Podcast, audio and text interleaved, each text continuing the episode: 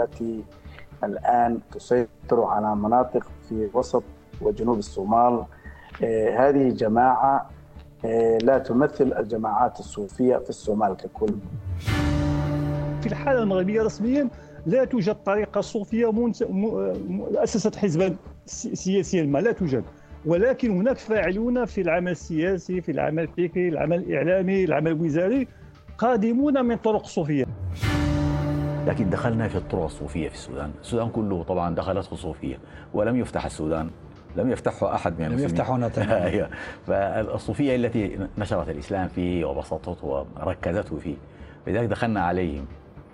إما أن نطبع في الشيخ يعني نستلطفه وندرس له تاريخ تاريخ طريقته أو أن يعني يكون خليفته منا ولده يكون منا. يعني صوفية في الجهاد. آه، يعني أزعم أنه لا توجد راية جهاد حقيقية ليست إرهاب ولا تطرف في, في الألف السنة الماضية إلا والصوفية في في مقدماتها وهم الذين دفعوا ثمن ذلك في أيام الاحتلال. آه، من صلاح الدين الأيوبي كان من أهل التصوف نور الدين زنكي كان كذلك شامل الذي قاد الجهاد الإمام شامل في الشيشان وداغستان كان كذلك الأمير عبد القادر الجزائري آه، عمر المختار. لكن الآن الآن آه، شيخنا يعني خلينا في, في الوقت الراهن. الجهاد الأفغاني عندما كان جهادا قبل أن يتحول إلى نزاع مسلح بين الأفغانيين مهد لتبني الإرهاب الذين انتهضوا إليه أول من انتهض إليه في أفغانستان هم أهل التصوف المجددي من النقشبنديه الموجودين الصوفية طيله الوقت كانت تعمل بالسياسة على الإطلاق حتى لو بدهاش. هي جماعة التبليغ والدعوة كجماعه صوفيه بعض من هؤلاء كان في مرحلة الشباب والحماس الديني فكان أحيانا يدعو الناس بالقوة. يقوم الفكر الصوفي في جوهره على نبذ السياسة والاشتغال بها متجها نحو الانعزالية التي تفضي إلى عدم الاهتمام بالشأن العام وأمور الحكم كما أن الأدبيات السياسية للطرق الصوفية نادرة حيث تصرف المراجع الصوفية معنى السياسة إلى سياسة النفس. وإذا وردت فيها عبارة السياسة بمعناها المتداول الذي يتعلق بإدارة الشأن العام فإنما ترد في الغالب عرضا واستطرادا. ويمكن هنا استثناء الفقيه والفيلسوف الديني أبو حامد الغزالي فقد تكلم عن السياسة بمعناها العام في موسوعته إحياء علوم الدين. وخلاصة رأيه في السياسة سواء بوصفها علما أو من حيث هي ممارسة وأنها ليست من جوهر الدين حيث يقول وكما أن سياسة الخلق بالسلطنة ليست من علم الدين في الدرجة الأولى بل هي معين على ما لا يتم الدين إلا به وكذلك معرفة طريق السياسة. علاوة على ذلك تعرف الصوفية مصطلح الجهاد الأكبر بمجاهدة النفس ومحاربة الهوى. أما الجهاد القتالي أو العسكري فتضعه في مرتبة الجهاد الأصغر.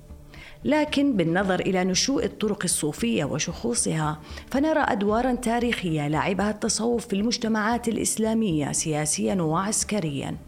سواء في مواجهة الاحتلال الخارجي أو دعم الأقليات المسلمة كما في السودان والجزائر وليبيا ونيجيريا ومالي وغيرها. وباستعراض الجوانب السياسية في تاريخ الطرق الصوفية نستذكر عبد القادر الجزائري وشيوخ النقشبندية في داغستان والسنوسي في ليبيا وحركة المهدي في السودان وحسن البنا في مصر. على الرغم من ذلك دفعت تقارير ودراسات غربية إلى ضرورة النظر إلى الصوفية كقوة لمحاربة التطرف والبحث عن الطريق لمواجهة الجماعات الراديكالية المسلحة.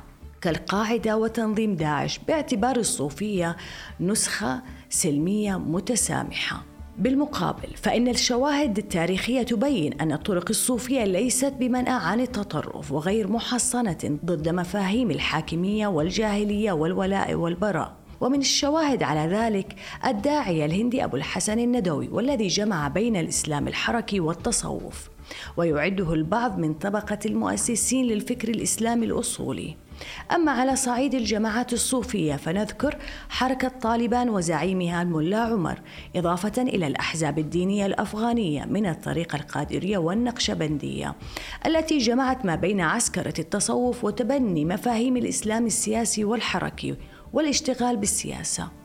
ومن نماذج النزوع الراديكالي الصوفي نذكر أيضا حركة باريلفي الباكستانية والتي سميت على اسم مؤسسيها في القرن التاسع عشر أحمد رضا خان باريلفي وأصلها مدينة بارلي شمال الهند والتي تعتنق الطريقة الصوفية القادرية وهي تتخذ موقفا مناوئا ضد طالبان الديوبندية نجم عن ذلك أعمال عنف متفرقة بين حركة باريلفي والديوبند في سبيل السيطرة على المساجد الباكستانية.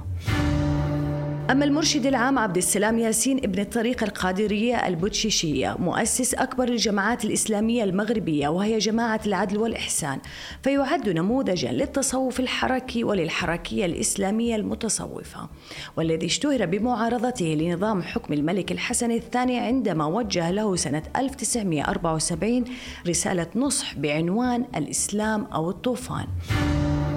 واليوم نحن أمام تجربة عسكرة الصوفية الطرقيه في الصومال والدفع بها نحو العمل العسكري لمواجهة حركة الشباب التابعة للقاعدة بتأسيس جماعة أهل السنة والجماعة لتنتهي الاخيره بمواجهاتها العسكرية مع الحكومة الصومالية للحصول على مكتسبات سياسية. فهل التصوف الإسلامي قادر على إبطال فتيل التطرف؟ وهل نعتبره الرهان الأمثل؟ وهل التصوف محصن ضد مفاهيم الحاكمية والجاهلية والعزلة الشعورية؟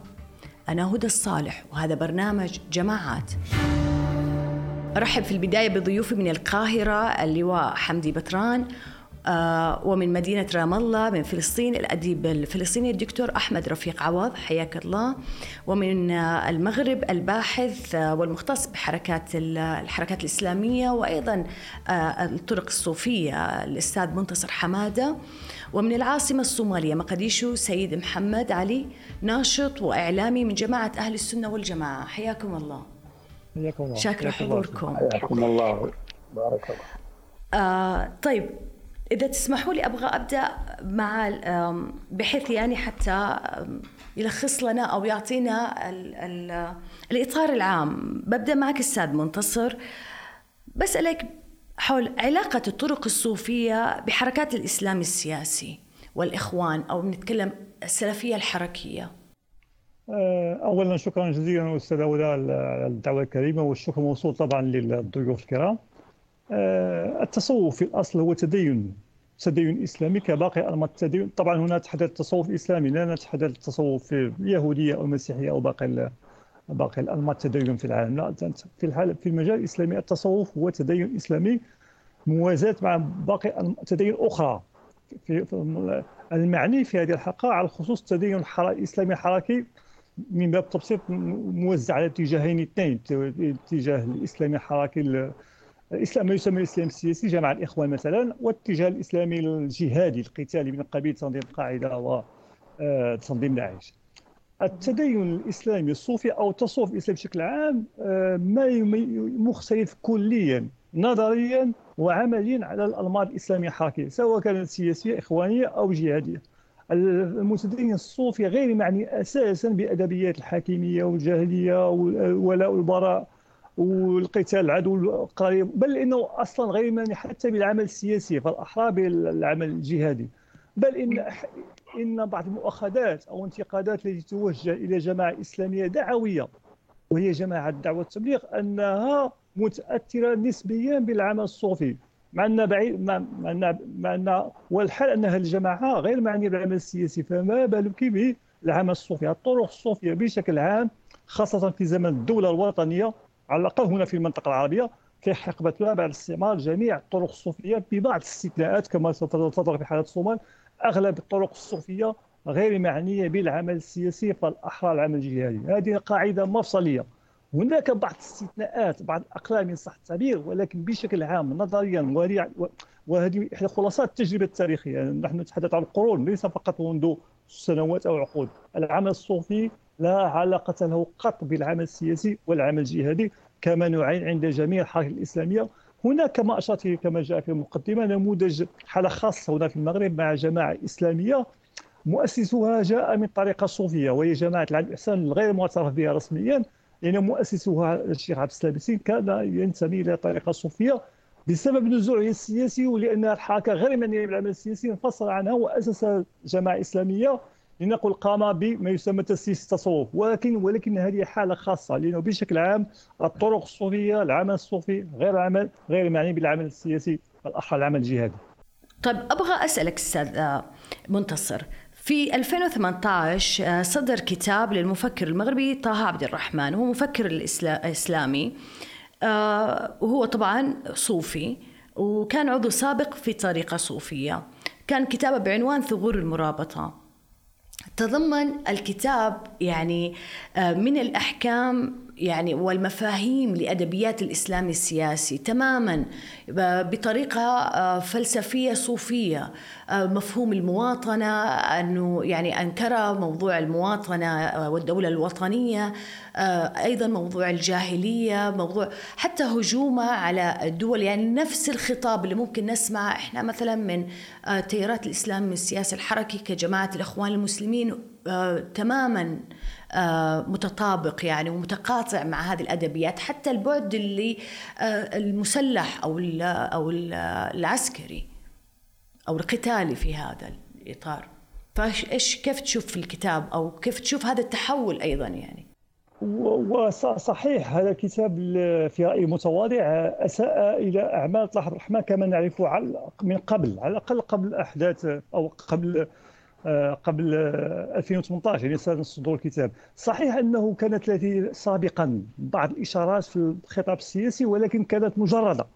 مثلا في كتاب الحق الإسلامي والاختلاف الفكري جاء بعد أحداث سبتمبر 11 دافع الأمة الإسلامية وحقها في قتال الجهادي قتال المعتدين تحصيل حاصل في كتاب روح الدين في 2012 تضمن مواقف سياسية ولكن كانت مجردة.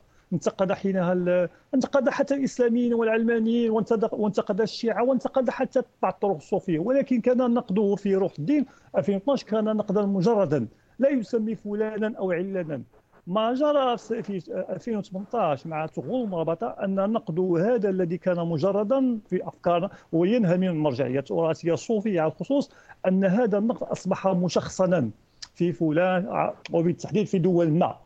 والإشكال أن طبيعة هذا النقد لو أسس على ارضيه صوفيه يتناقض مع مميزات الخطاب الصوفي. إلا إن كان من حقه أن يدلب مواقف سياسية هذا شأنه ولكن هناك عدة مغ... لا نتحدث مغالطات. هناك هناك تناقضات رهيبة في هذا الكتاب. مثلا ينتقد الدولة دون ينتقد الدولة حول نفس الموضوع. التناقض آه، مثلا في تعامل مع موضوع التطبيع. كان هناك تباين تعامل تقييمي لعلاقة بعض الدول العربية مع الولايات المتحدة. يتحدث عن دولة ويصمد عن دولة أخرى. وليس هذا هو حسب كإشارات. يعني غير غير غير إنه ان ان وحده الأقلام الإسلامية الحركية وتحديدا الأقلام بعض الاقلام الإخوانية هنا في المغرب وفي المنطقة هي التي احتفلت بهذا الكتاب ليس صدفه وقد نظمت آه، ندوات ومؤتمرات حول هذا الكتاب فقط من قبل الإسلاميين. لا نجد ولو باحثا صوفيا واحدا هنا في المغرب وفي المنطقة نوه بهذا الكتاب لسبب بسيط لأن لأن مواقفه السياسية تسيء لشخصي طبعا وهذا شأنه ولكن بعيدا عن العمل الصوفي، العمل الصوفي كما قلنا حتى لو حتى لو تورط الفاعل الصوفي في موقف سياسي وهذا محقوق لابد من حد أدنى من الإنصاف. فالأحرى إن تورط في الادلاء بمواقف سياسية لا تختلف عن مواقف بعض الإخوان أو بعض الجهاديين كما نقرأ في الكتاب. ولهذا قلت مرارا في مع أصدقاء في في, لقاءات خاصة الكتاب أساء إلى شخصه وأساء على الخصوص إلى مشروعه لأن التصوف الذي نعرفه منذ قرون لا علاقة له بتلك الأحكام السياسية كما جاء في الكتاب بالضبط هو أستاذ منتصر هو يعني بعيدا عن مهاجمته لدول معينة وطبعا وهو أخذ محور معين خلال هجومه وكذا. تأصيله لمفاهيم أدبيات الإسلام السياسي الحركي بنكهة صوفية وفلسفية. يعني هذا الشيء الجديد في في الموضوع.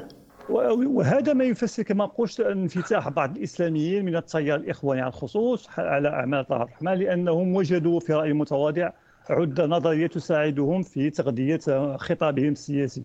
ولكن بالنسبة للفاعلين الصوفيين بما بما في ذلك الذين ينتمون للطريقه التي ينتمي إليها أو كان ينتمي لها وباقي الفاعلين الصوفيين بشكل عام هم سواء في المغرب أو في المنطقة أو في أوروبا لأن التصوف الآن في أوروبا في أمريكا هؤلاء لا يمكن أن يقبلوا ببعض الأحكام السياسية التي جاءت في الكتاب التي التي قد نتفهم أن تصدر في في في مدونات إلكترونية مقالات رأي سياسية في ظل هذه الصراعات الموجودة في المنطقة. هذا تحصل حاصل كمقالات سياسية ولا مقالات رأي. الناس أحرار في اعتقاد فالأحرار في, في الرأي السياسي. الناس أحرار أن تكون مع هذا المحور أو غيره. هذا شانه ولكن تأصيل هذه الازدواجية وهذا أو هذا التناقض بأرضية إسلامية صوفية أخلاقية هذا أمر غير سوي علميا وأخلاقيا في الآن. وأعتقد هذه أن هذه أحد الأسباب التي تفسر الإساءة التي تسبب فيها هذا الكتاب إلى بعض أعمال طه الرحمن وهذا وقد صدرت مقالات. هل لا هل ممكن هل ممكن آه، نصف أن هذا ضمن إطار أخونة التصوف؟ آه، لنقول في بعض في في حالات لأن لأنه أنا في المتواضع هناك مناعه لدى أهل التصوف. أقصد التصوف النظري وحتى التصوف العملي أقصد الطرق الصوفيه بصرف النظر طبعا الملاحظات التي لدينا على العمل الصوفي ولكن بشكل عام هناك مناعة ضد هذه التموقفات السياسية. الصوفية كما باستثناء قد يتطرق الاساتذه الافاضل إلى الموضوع في هذه الحلقة باستثناء ما عيناه في عمل الصوفية ضد الاستعمار مارسوا الجهاد ضد الاستعمار في المنطقة في المغرب في المنطقة العربية في في آسيا في إفريقيا باستثناء بعض التدخل في زمن الفتنة في بعض الحالات. ولكن الصوفية بشكل عام لا علاقة لهم بالمواقف السياسيه المباشرة وبحكم انتخابات وحكومة ومعارضه لكن اسمح لي أستاذ منتصر ابى أقاطعك في هذه النقطة وقبل ما أنتقل للضيوف الكرام أنه آه، صحيح مثلا رغم أن بعد بعد أحداث الربيع أو ما يسمى بالربيع العربي وجدنا الصوفية آه، يعني صارت لها أحزاب سياسية وتغير آه، يعني جزء من مفاهيمها في موضوع المشاركة السياسية. لكن في مثلا في المغرب وغيرها من الدول نجد صحيح مثلا قد لا تكون الصوفية تشارك كحزب سياسي لكن الشخصيات اللي معروف عنها انتمائها لطرق صوفية آه، نجدها موجودة في المواقع السياسية ومشاركة في البرلمان وكذا حتى تظهر آه، يعني انتمائها للطريقه الصوفية المعينة وما إلى ذلك يعني. ف فهذه موضوع كأنه في ازدواجية يعني نوعا ما. والله لو تحدث رسميا سوف اتحدث عن الحالة المغربية ونوعا ما هناك تقاطعات مع بعض النماذج العربية. في الحالة المغربية رسميا لا توجد طريقة صوفية اسست حزبا سياسيا ما لا توجد. ولكن هناك فاعلون في العمل السياسي في العمل الفكري العمل الإعلامي العمل الوزاري قادمون من طرق صوفية. هذا صحيح. لماذا؟ لعدة أسباب. أحدها أنه بعض الفاعلين يعتبرون أنه الانتماء للعمل الصوفي أصبح واج... طريقا للبحث عن عن الوجاهه كما يقال أو مناصب هذا شأنهم. ولكن هناك هناك طبعا هذه العودة الدولي العربية الإقليمية وحتى الدولية للعمل الصوفي بشكل عام.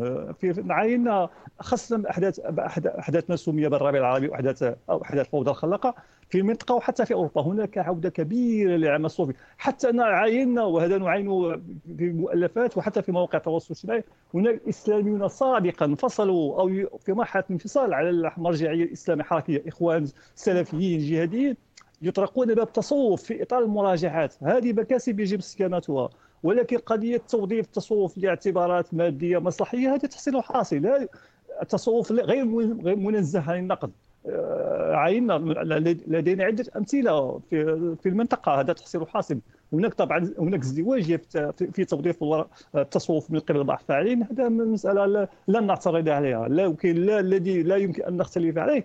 أن العمل الصوفي كما أشرنا بعيدا عن التموقف السياسي المباشر باسم الطريقة لا نقرأ بيانات لطريقة صوفية حول انتخابات ما عين هناك حالة خاصة في المغرب بعد أحداث الربيع العربي في النسخة المغربية مع ما يسمى بحراك 20 فبراير. شباط أنه إحدى أهم الطرق الصوفيه أصدرت بيانا تدعو إلى الموافقة على تعديل الدستور والتصويت بنعم. وهذا متوقع لأن لأن موقف الطريقة هنا يصب في صالح صيانة الدولة الوطنية. مجموعة دول عربية بعد الفوضى الخلاقة كانت مهددة. تذكروا ما جرى في اليمن وما جرى في ليبيا وما جرى في سوريا. هناك وحتى الآن لا زالت هناك دول مهددة. لا يمكن أن ننتظر من ننتظر من التنظيمات الدينية أن تتفرج على الوضع وعلى التفكك وعلى التهديدات. وبالتالي صدر وكانت هذه حالة خاصة أن هذه الطرق الصوفية صوتت لصالح الدستور ولكن كحالة خاصة فقط. بشكل عام الطرق الصوفية بعيدة عن العمل السياسي فالأحرى العمل الجهادي. طيب تمام. اسمح لي بنتقل لك أستاذ محمد علي. آه لل يعني نقرأ قليلا ما آه ما هو في الصومال في هالإطار. متى بدأ الدور اللي, لعبته الصوفية الطرقية الصومالية في نسختها العسكرية للوقوف؟ يعني بوجه مثلا حركة الشباب ولا القاعدة ولا متى بدأ التحول هذا؟ اولا أشكركم على هذه الاستضافة وأقدم الشكر للمشاهدين الكرام لقناة العربية. وبعد أن أتحول إلى السؤال دور الطرق الصوفية كما تعلمين الصومال بلد يعني علماؤه من جماعة أهل السنة والجماعة المتمثلة الأشاعرة والماتريديه منذ زمن بعيد. لكن تنظيم أهل السنة والجماعة المسلح بدأ بعد بروز الجماعات الجهادية السلفية خاصة في بداية السبعينات أيام حكومة محمد سياد بري. وبعد ذلك بدأت الجماعات الصوفية تنخرط في السياسة الصومالية ل يعني حماية مراكزهم ومقاماتهم وأضرحتهم التي تعرضت للنبش والهدم والاعتداء عليهم. وهذا المنطلق يعني الصومال يعني بلد الطرق الصوفية وجماعاته كانت هي سيد المكان في كل مكان. لكن في الأيام الأخيرة يعني برزت جماعات جهادية مثل حركة الشباب والحزب الإسلامي وجماعات أخرى. حتى تنظيم داعش له دور بارز في الساحه الصومالية. في الأونة الأخيرة هذا يؤدي إلى يعني يعني مشاكل أمنية وسياسية في الصومال. طب طبعا تكونت عندنا إحنا نتكلم عن جماعة أهل السنة والجماعة صحيح؟ تنظيم نعم أهل السنة. آه تنظيم أهل السنة والجماعة بدأ كتنظيم مسلح في بداية عام 2008 عندما قامت المحاكم الإسلامية أنت تعرفين المحاكم الإسلامية قد برزت في الساحة عام 2006 وبسطت نفوذها على الصومال كلها ومنعت يعني الاتجاهات الصوفية وحاربت ووصفت بالنعوت بأنهم قبوريون وما شاكل ذلك. وبعد ذلك أيضا هذه الجماعة جماعة تنظيم أهل السنة والجماعة الصوفي له دور بارز في وسط الصومال في منطقة الصومال قرعين حيث عندهم مراكز ولهم تأييد شعبي كبير بعدما يعني الصومال تم إيراد الأفكار الدخيلة كما تعلمين الصومال وقت الكريمة وهذه هي بداية أهل السنة وأخذ سلاحهم يأتي بعد بروز هذه الجماعات الجهاديه التي تحاول اجتثاثهم من كل مكان كما كما تعلمين. بس أستاذ في في مصادر تتحدث على أن العسكره التصوف أو الطرق الصوفية في الصومال بدأت في عام 1991 يعني تنظيم أهل السنة والجماعة كان من هذا التاريخ نشط إلى العام 1996 ثم غاب يعني وقل حضوره حتى عاد من جديد في عام 2008 كنت أبغى أسألك شو السبب؟ الصعود والغياب؟ هذا. نعم كما تفضلت صعود تنظيم أهل السنة والجماعة كان عام 2001 بعد سقوط الحكومة المركزية. هذا صحيح ولكن تلاشى بعد أن بدأت الاتحاد الإسلامي السلفي بسيطرة الأماكن الدينية المساجد وقامت بمسح أفكار أهل السنة والجماعة المعتدلة. أهل السنة والجماعة هي تنظيم صوفي يعني مسالم ومعتدل و... ويعمل من أجل تنمية الروح فقط. إيه، كما تفضل الاستاذنا الذي تحدث قبل قليل إيه، إنهم ينمون من الجانب الروحي بعيدا عن السياسات.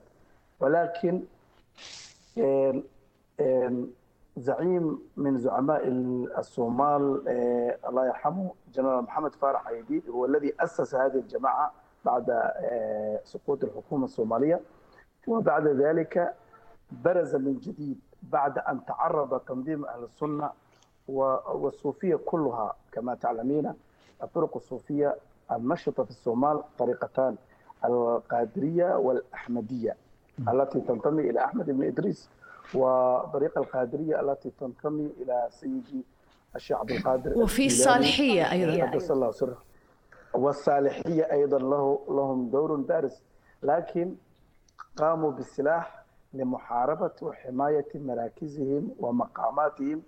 هناك أكثر من مزارات تم نبش مشائخها والضرب عليها وهدم أضرحتهم وغير ذلك من الاعتداءات. فهذه هي هي التي أدت إلى أخذ السلاح من جديد وتصليح أنفسهم كتنظيم سياسي صوفي. وأيضا انخرط في المجال السياسيه في حكومة الشيخ شريف وبعد ذلك حكومة حسن الشيخ محمود الرئيس الحالي الذي الآن موجود. كل ذلك ولكن هذا التنظيم اصطدم وله جناح متشدد أيضا تنظيم أهل السنة. اصطدم مع الحكومة بسبب المكاسب السياسية و ويعني و... والاحتلال مناسب في الحكومة الصومالية لمحاربة الجماعات التي تشكل خطرا على حياتهم ومزاراتهم وأماكنهم في أنحاء الصومال. طب بالنسبة للطرق الصوفية نتكلم في العام 1991 آه كان في تحالف للقوى الإسلامية في ذلك الوقت قبل ما يحدث آه النزاع أو الحرب الأهلية في الصومال. اعيدي سؤال؟ في العام 1991 كان في هناك تحالف للقوى الإسلامية في الصومال قبل نعم. أن تبدأ يعني خلافات شديدة وحتى بين الطرق الصوفية يعني تفرق الشمل نعم الطرق الصوفية بعد 91 كانت يعني تتعاطف مع الحكومة الصومالية في ذلك الوقت حكومة عسكرية في الثمانينات والسبعينات بعد سقوط الحكومة المركزية لم تنخرط الجماعات الصوفية في مجال السياسة يعني كانوا يبتعدون تماما عن يعني تولي مناصب في في الصومال. فقط هناك بعض المشايخ التي يعني تتعاطف مع زعماء الفصائل الصومالية مثل جنرال عيديد فقط.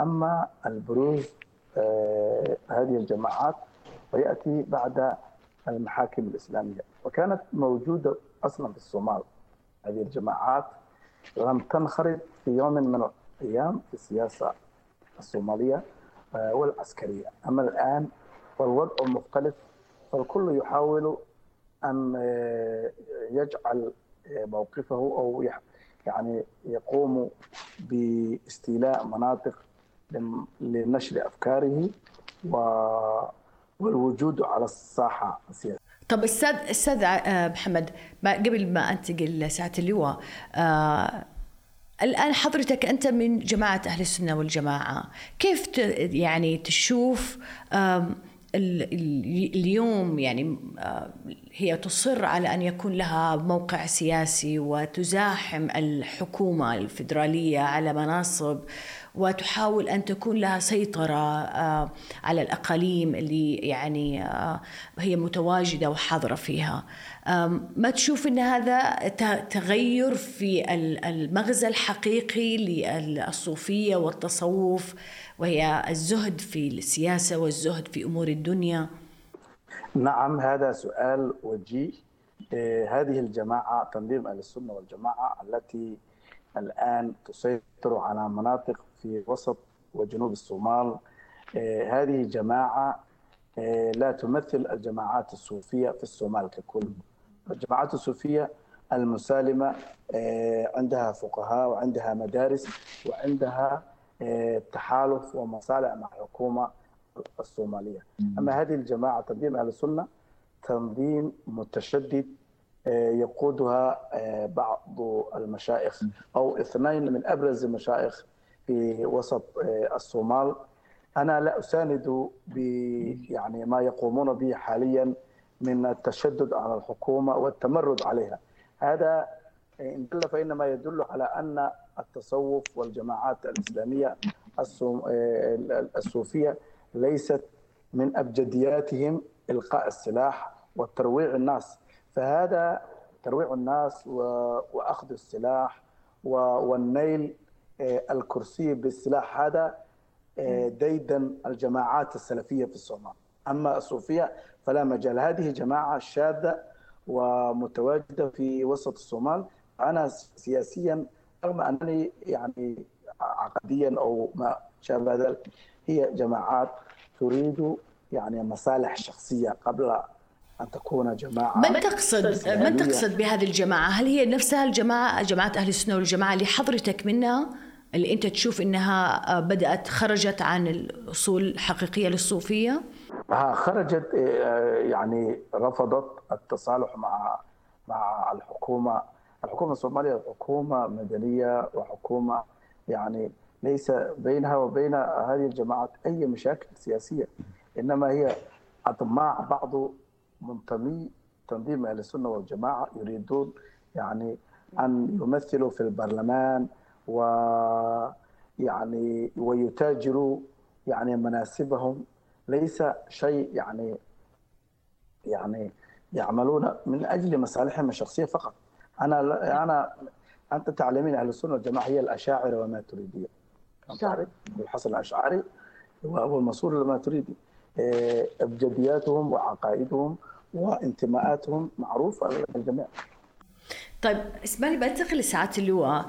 آه ساتر اللواء حمدي أبغى الكاتب الأمريكي من أصل من أصل روسي ألكسندر كنيش في كتابه التصوف الإسلامي تاريخ قصير حذر من اعتبار الصوفية وإن كانت اليوم أكثر تسامحا وسلمية من الأصوليين إلا أن ليس الحال دائما. فقد كانت الصوفية بمثابة مصدر أو مصدر للحافز والبنية المؤسسية لحركات المعارضة طوال العصر الحديث. وانخرطت حركات صوفية من حين لآخر في الجهاد الساخن ضد ضد ما كانت تعد انحرافات عن الإسلام الصحيح أو آه، ما يعتبر الاستعمار الأوروبي وما إلى ذلك. من هنا أبغى أسألك سعادة اللواء آه، إلى أي مدى حضرتك من خبرتك الأمنية أنه تشوف أن التصوف آه، يعني محصن من أن يكون آه، عرضة لحمل آه، راديكالية متطرفة أو مبادئ ومفاهيم الإسلام السياسي والإسلام الحركي من خلال خبرتك الميدانية. في البداية أشكركم شكرا جزيلا على هذه الاستضافة الكريمة حياك. أوجه الشكر للسادة الضيوف الذين ساهموا معنا في إحياء آه، تلك الندوة اللطيفة والجديدة في نفس الوقت. التصوف كحركة لا نستطيع أن نقول حركة سياسية لكنها حركة دينية في الأساس تعتمد في مفاهيمها الأولى على مبدأ الطاعة أي أن أعضاءها لابد من ضمن شروط العضوية وقبول الناس في التصوف أن يقبل الطاعة ولا يعصي أمرا لشيخه أو مريده. ظهر التصوف في عهد حجاج بن يوسف الثقفي. عندما اجتمعت جماعة تريد الخروج على الحاكم باعتبار الحجاج حاكم ظالم. لكن أبو الحسن البصري رفض هذا الطرح ورفض الخروج على الحجاج بن يوسف وأسس جماعته الأولى في التصوف. وظل التصوف الإسلامي في مصر وفي معظم الدول العربية يعيش إلى جوار وفي كنف الحاكم. فعلى سبيل المثال كل ولاة مصر وملوكها وأمراءها قبل محمد علي كان المتصوفة لصيقين به وكانوا يحتفلون يحضرون احتفالاتهم. كتب لنا الرحالة والمؤرخين الذين زاروا مصر في تلك الفترة عن احتفالات الطرق الصوفية الصاخبة والتي كان يدعى إليها الأمير أو الخديوي. فكتبوا عن ممارسات ضد الإنسان. كان ينبطح بعض المريضين على الأرض ويعطائهم الشيخ بفرسه يسمى بالدوسة. وحدث هذا في عهد الخليفة في عهد الخديوي إسماعيل وفي عهد الخديوي توفيق.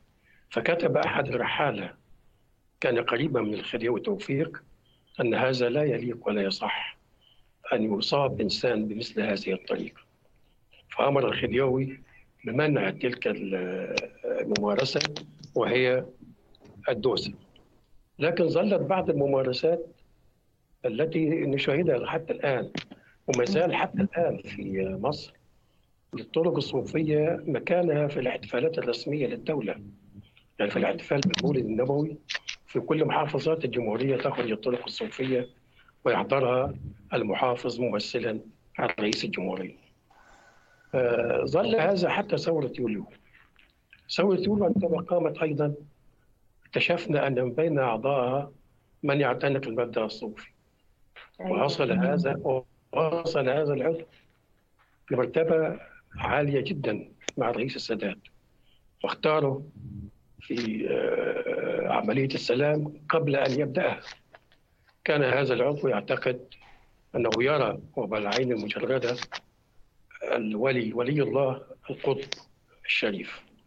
كان يعتقد أنه يراه ويخاطبه.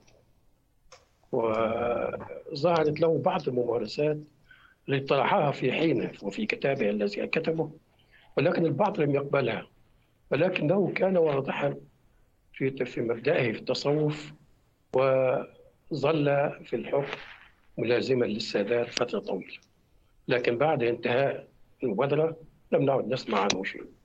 كان هذا الرجل متصوف وأطلق لحيته ولم ينكر التصوف. ظل هذا حتى وفي ثورة 52 أيضا انضم انضم المتصوفين انضموا إلى الثورة عندما هاجمت جماعة الإخوان المسلمين بعد أن تعرض الرئيس جمال عبد الناصر لمحاولة اغتيال في عام 54 وبدأت عملية اجتثاث لنظام الإخوان المسلمين انضم هؤلاء إلى إلى الثورة ووافقوا على كل الإجراءات التي اتخذتها. السادات رد الجميل للمتصوفين من أنشأ لهم مقرا وقربهم منه وظلوا قريبين منه. إلى أن جاء الرئيس مبارك. وفي عهد مبارك ظلت الأمور في حالة ركود سياسي ولم ولم يتحرك هذا الركود إلا في عام 2005 بسببين اثنين. السبب الأول وما طرحه الرئيس الرئيس حسني مبارك من تعديل مواد الدستور حيث ينتخب رئيس الجمهورية بالاطلاع المباشر بدلا من الاستفتاء عليه. عندما طرح هذا الطرح بدأت بعض القوى السياسية ومن وبعض الجماعات للتحرك للظهور بالمظهر السياسي. وكان من هؤلاء من تلك الجماعات جماعات المتصوفة وظهر البعض منهم ودخلوا انتخابات مجلس الشعب وظلوا على هذا الوضع. الجزء الثاني ان في كطرق صوفية يعني دخلوا أم كأفراد؟ دخلوا انتخابات كافراد لكن صفاتهم كصوفيين معروفة. الجزء الأمر الآخر الذي جعل الطرق الصوفية تتحرك هو ما أعلنته الولايات المتحدة في تلك الفترة من مشروع الشرق الأوسط الجديد الذي طالبت فيه تغيير اهتماماتها للإسلام الراديكالي. كان في مفهومها أن المنطقة مقبلة على حال التغيير وأنه لن يملأ هذا الفراغ إلا الجماعات الإسلامية. فاتجهت الولايات المتحدة الجماعات الإسلامية ممثلة في الإخوان المسلمين وفي بعض الجماعات في الدول الأخرى. التصوف في هذا الوقت كانوا لهم نصيبهم أيضا في الاهتمام وظهروا كنواب وكسياسيين وفي البرلمان وفي بعض اللجان البرلمان بصفتهم كمتصوفة ومعروف عنهم. يعني شيخ مشايخ الطرق الصوفية ونائب الطريقة مش عارف من نسيان اسمها. كلهم دول كانوا موجودين في البرلمان بعد 2005 ظل هذا الوضع بين شد وجذب حتى قامت ثورة 2011 وتم تنحية حسني مبارك. بعد هذا ظهرت التيارات الإسلامية بغزارة ولم تكن التيارات الصوفية بعيدة عن هذا الطرح. ظهرت كامل قوتها واستغلت السماء الإسهال الشديد في إنشاء الأحزاب ودخلت بحزبين. أنشأت الطرق الصوفية حزبين سياسيين في ثورة 2019 2010 2011 لكن هذه الأحزاب لم تستطع المنافسة إخوان التنظيم السياسي للإخوان المسلمين لأن الإخوان المسلمين كانوا أكثر تنظيما كانوا أكثر حركة وكانوا في نفس الوقت لهم قدرة على الحشد.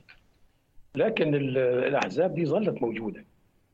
لما قامت ثورة 2013 على الإخوان في 30 يونيو لم لم يبتعد الصوفيين ولكنهم كانوا حاضرين وبشدة نكاية في الإخوان المسلمين أنهم اعتقدوا أن الإخوان المسلمين إذا حكموا أو في فترة الفترة التي حكموها كانوا يفكروا في إلغاء الطرق الصوفية مشيخة الطرق الصوفية وكانوا يتعاملون مع الطرق الصوفية على أنها آه، حاجة مش كويسة في الدين.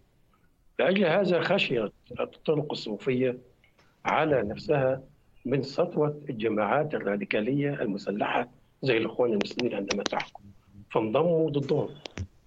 وانضموا للرئيس السيسي على أساس أنه هو سمح لكل التيارات أنها تتواجد معه طب من ناحية أعمال العنف بنتكلم بعد مثلا آه، ثورة 25 يناير آه إلى أي مدى كان في عناصر آه مثلا متصوفة كان كان لهم مشاركة في أعمال عنف سواء في ميدان رابعة سواء في آه أو ظروف أخرى؟ هو لم نرى لم نرى أي متصوف حمل السلاح قد يكون حمله قد يكون متصوف مجهول وغير معروف.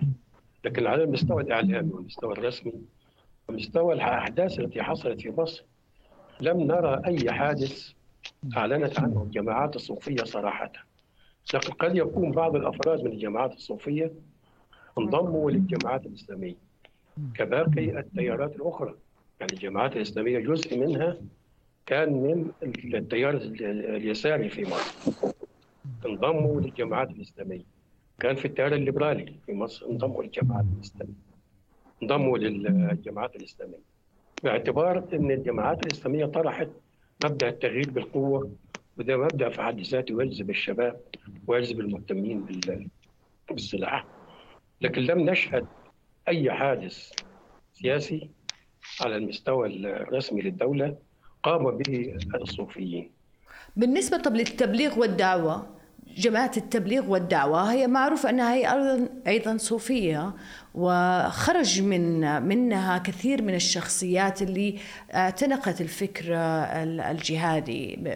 طبعا إحنا عندنا مثلا المنظر الشهير آه، والمهم في تنظيم القاعدة أبو مصعب السوري خرج من في البداية من من التبليغ والدعوة وأيضا عندنا بس أبغى عشان ما أخطئ باسمه أحمد رائف من تنظيم سيد قطب كما أيضا خرج من آه، أحمد رائف من تنظيم الأخوان. أي نعم. فخرج بس كان هو أيضا كان في في التبليغ والدعوة. هي جماعة التبليغ والدعوة كجماعة صوفية كانت أهدافها في الأول أهداف سلمية أنهم يحضون الناس على إقامة الشعائر الدينية. وكان الفرد منهم يأخذ أجازة طويلة من عمله ويتجول مع فريق من زملائه لحض الناس على الصلاة وعلى الصوم والمبيت في المساجد أشياء أخرى من هذا القبيل. أنا شاهدت تلك الجماعات وتعاملت معهم فترة آه، بصفة شخصية. يجد فرد يسير في الشارع أثناء الأذان يطلبون منه أن يذهب إلى المسجد. بعض من هؤلاء كان في مرحلة الشباب والحماس الديني فكان أحيانا بيدعو الناس بالقوة. فدي يمكن اللي جت آه، من التبليغ والدعوة. لكن التبليغ والدعوة لم نشهد منهم سلاح مباشر ضد الدولة ولكنهم استعملوه ضد الأفراد متكاسلين عن العقائد. لكن في نفس الوقت قد نرى بعضهم أخذ موقف من الدولة باعتبار أنها لا تحكم بما أنزل الله. وبهذا أصبح يتجه في الفكر مع فكر الجماعات الإسلامية في مبدأ الحاكمية. أيوة. طب آه آه بنتقل لك آه دكتور أحمد حضرتك كتبت رواية الصوفي والقصر وأنا حرصت جدا حضرتك تكون مشارك معنا حتى نعطي جو أدبي أو ننحى بموضوعنا في إطار أدبي.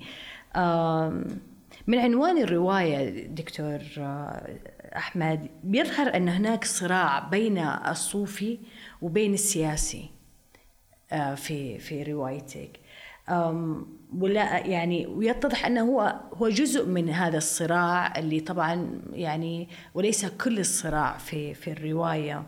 فودي تحكي لي شو يعني كيف رأيت حضرتك أو قرات شخصية السيد أحمد البدوي؟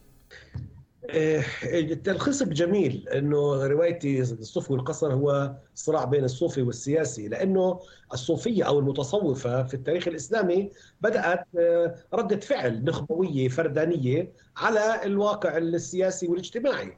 يعني المتصوف عندما أعلن عن نفسه أو سلك هذا السلوك والصوفية هي رؤية رؤية أو تفسير للدين الإسلامي. والدين الإسلامي على فكرة فيه تفاسير كثيرة جدا وحتى فيها متناقض ومتعارض الصوفي عندما خرج إلى معتزله وخرج يعني غادر معترك الحياة وذهب إلى معتزله هو عمليا هذا موقف سياسي وموقف سياسي وفكري واجتماعي لدرجة أنه غادر مقولة السياسي غادر مقولة الفقيه أيضا الفقيه الرسمي.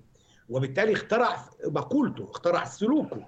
ذلك الصوفية بدات بدات يعني صوفية الإسلام بالذات الإسلام بدات هكذا كانها احتجاج على ما على ما كان يعاش على السياسي على إلى آخره. ولهذا السبب نحن رأينا هناك أفراد. يعني الصوفية بدأت فردية نخبوية. أيضا لها موقف سياسي. هذا الأمر الموقف السياسي على فكرة اتجذر تماما في عند الغزالي.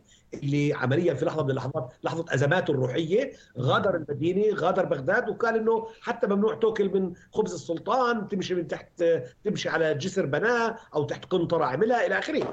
عمليا غادر كل شيء. اللي ترجم هذا الكلام ترجمة حقيقية الجيلاني عبد القادر الجيلاني اللي عمليا عمل مملكة روحية. هذا الرجل الجيلاني بالذات عمل مملكة روحية. اذا بالتالي المتصوفة مش بس موقف يعني سياسي فرداني فيما بعد أصبح موقف له هيكلي له هيراركي له في كتب غوث زي ما عمل الجيلاني. عمل كتب عمل غوث عمل وتد عمل إلى آخره. عمل مملكة روحية وانعزل. إذا التصوف وهذا على فكرة مهم جدا نقوله التصوف ليس اتجاه واحد وليس كأنه بنقدر نختصره اختصار واحد. لا لا هذا في كل شيء. لأنه حتى الصوفية في الإسلام درجات. في صوفية سنية زي الكشيري مثلا اللي حكى عنها. وفي صوفية زي الشعراني اللي هو راح على الصوفية الغنوصية وهي خطيرة جدا. ولذلك الصوفية ممكن تكون تسامح وسهلة وقصة رحلة روحية فردية. وأيضا ممكن تكون لا على الإطلاق ممكن تكون جما جماعية حراكية جهادية إلى آخره إلى آخره. ممكن يكون أي شيء. بالتالي الصوفية قوة تعتمد. وخلينا اكون هذا كلام كتبته في كتاب لي اسمه الظاهره التكفيريه صدرت حتى الطبعه الثانية منه في القاهرة. قلت فيه باختصار شديد هذه الحركات كلها الصوفية وغيرها والجهادية والحركية وغيرها هذا يعني هذه الحركات تقوم وتملأ الفراغات التي تتركها الدولة. تملأ الفراغات التي يتركها الزعيم. تملأ الفراغات التي يتركها النظام التربوي والجهاز الأمني إلى اخره إلى آخره. بمعنى آخر أنا أدعو إلى قوة الدولة بإعتبار أنها تعطي مضمون لجماهيرها الدولة طبعا اللي تدافع عن شعبها وحدودها واستراتيجيتها ومرجعيتها مش اي دوله مش, مش لا نقصد الدولة التي صاحبة المضمون القوي الذي يقنع الجمهور. لأنه إذا أنت ما اقنعتش جمهورك كدولة بيجي غيرك يقنعها. لذلك التصوف كحركة آه، آه، فردانية إلى صارت حركة جماعية آه، كما قلت إنها صار ذروتها عند الجيلاني. بعد الجيلاني على فكرة قرن 12 و13 عمليا تحولت الصوفية إلى أن تكون جزء أيضا سياسي وأنا مع احترامي لكل ما قالوه إخوتنا وحبايبنا اللي سمعتهم الصوفية طيلة الوقت كانت تعمل بالسياسي على الإطلاق. حتى لو بدهاش النظام السياسي شوف المملوكي العثماني إلى آخره. حتى قبل المملوكي الصلي الأيوبيين اشتغلوا في هذه القصة. بالعكس وأنا بحكي من فلسطين الأيوبيين اللي كانوا يقاتلوا الصليبيين في بلادنا استغلوا حتى المتصوفة في إنه يعملوا لهم آه، زوايا وخانقهات زوايا وخانقات من أجل أن يملأوا البلاد ليصدوا الصليبيين. الأيوبيين المماليك والعثمانيين استعملوا الحركات الصوفية للشرعنه للامتداد للتأثير لأن تكون جزء بينهم وبين الجمهور. بالعكس حتى والصوفيين التقطوا ذلك. شو عملوا؟ عملوا السلطان وعملوا تحته السجاده وعملوا عملوا أيضا hierarchy عجيب غريب لدرجة أنهم سيطروا على الأسواق سيطروا على الجمهور. لدرجة أنه بقى الزعيم أو السلطان أو what he is يعني كان يستعملهم من أجل أن يبرر سياسته أو إنه الناس تقبل سياسته. لا.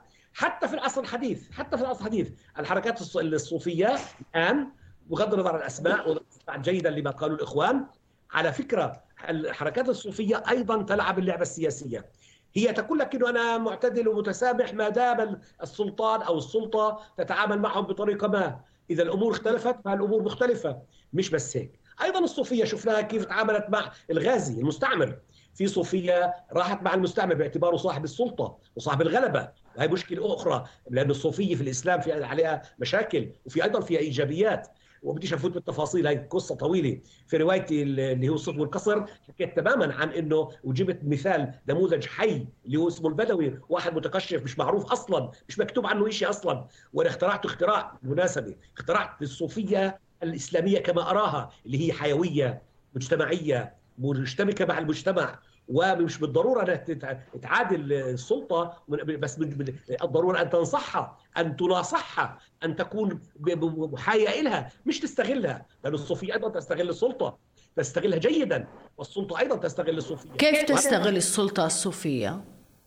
جدا صحيح. زي ما حكى صديقنا اللي من الصومال آه، إذا بحمي المقامات تبعوني. القبور والى آخره الزوايا المساجد الأعطيات الأتباع المدارس لأنه في في صوفية لها أيضا نظام تربوي ونظام اجتماعي وبيقدموا آه، تعليم وبيقدموا مساعدات. اذا السلطة أعطتهم كل ذلك فهم أيضا في خدمة السلطة. وبدوش أيضا أجيب آه، أمثلة أمثلة كثيرة واضحة وموجودة. بالتالي لا الصوفية أيضا تستغل السلطة أكثر من ذلك سيدتي وأقول جملتي الأساسية. أنا برأيي إنه السلطة الصوفية التي توقفت على ان تعطي الشخصيات العظيمة. لا يعني لم يعد عندنا مثل الغزالي. صارت عندنا الصوفية صارت انحطت للأسف إيه، انحطت بمعنى إنه زي ما حكى اللواء إنه الدوسي ومش عارف إيش والرفاعي بيطلعوا من من بطنه بصارينه ويشبك الحية ويشبك النار هذا انحطاط في الصوفية. هذا ليس صوفية. الصوفية اللي تحدث عنها هي النشاط العقلي الذي يضيف إلى الإسلام التذوقية يضيف إلى الإسلام رؤية أخرى غير الرؤية الفقهية الظاهرية. على الإطلاق.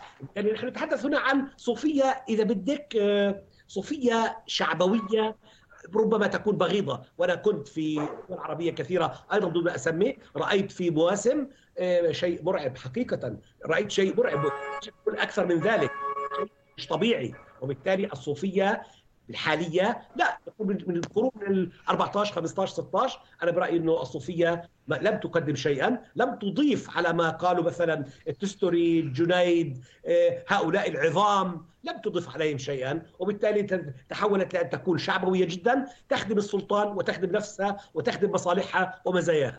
طب بشكل سريع أستاذي آه، إحنا عشان نختم الجزء الأول ونبدأ بالجزء الثاني آه هل تتفق مع أن يعني دور الصوفية بأنها تحارب الراديكالية؟ إحنا شفنا من بعد أحداث 11 سبتمبر بدأت كثير من مراكز الدراسات الأمريكية تطرح مثل هذه الفكرة بتوظيف الصوفية باعتبارها يعني مبادئها التسامحية وكذا بأنها تحارب آه، وأيضا عسكرت وسلحت الولايات المتحدة والدول الأوروبية جماعات صوفية بهذا الغرض.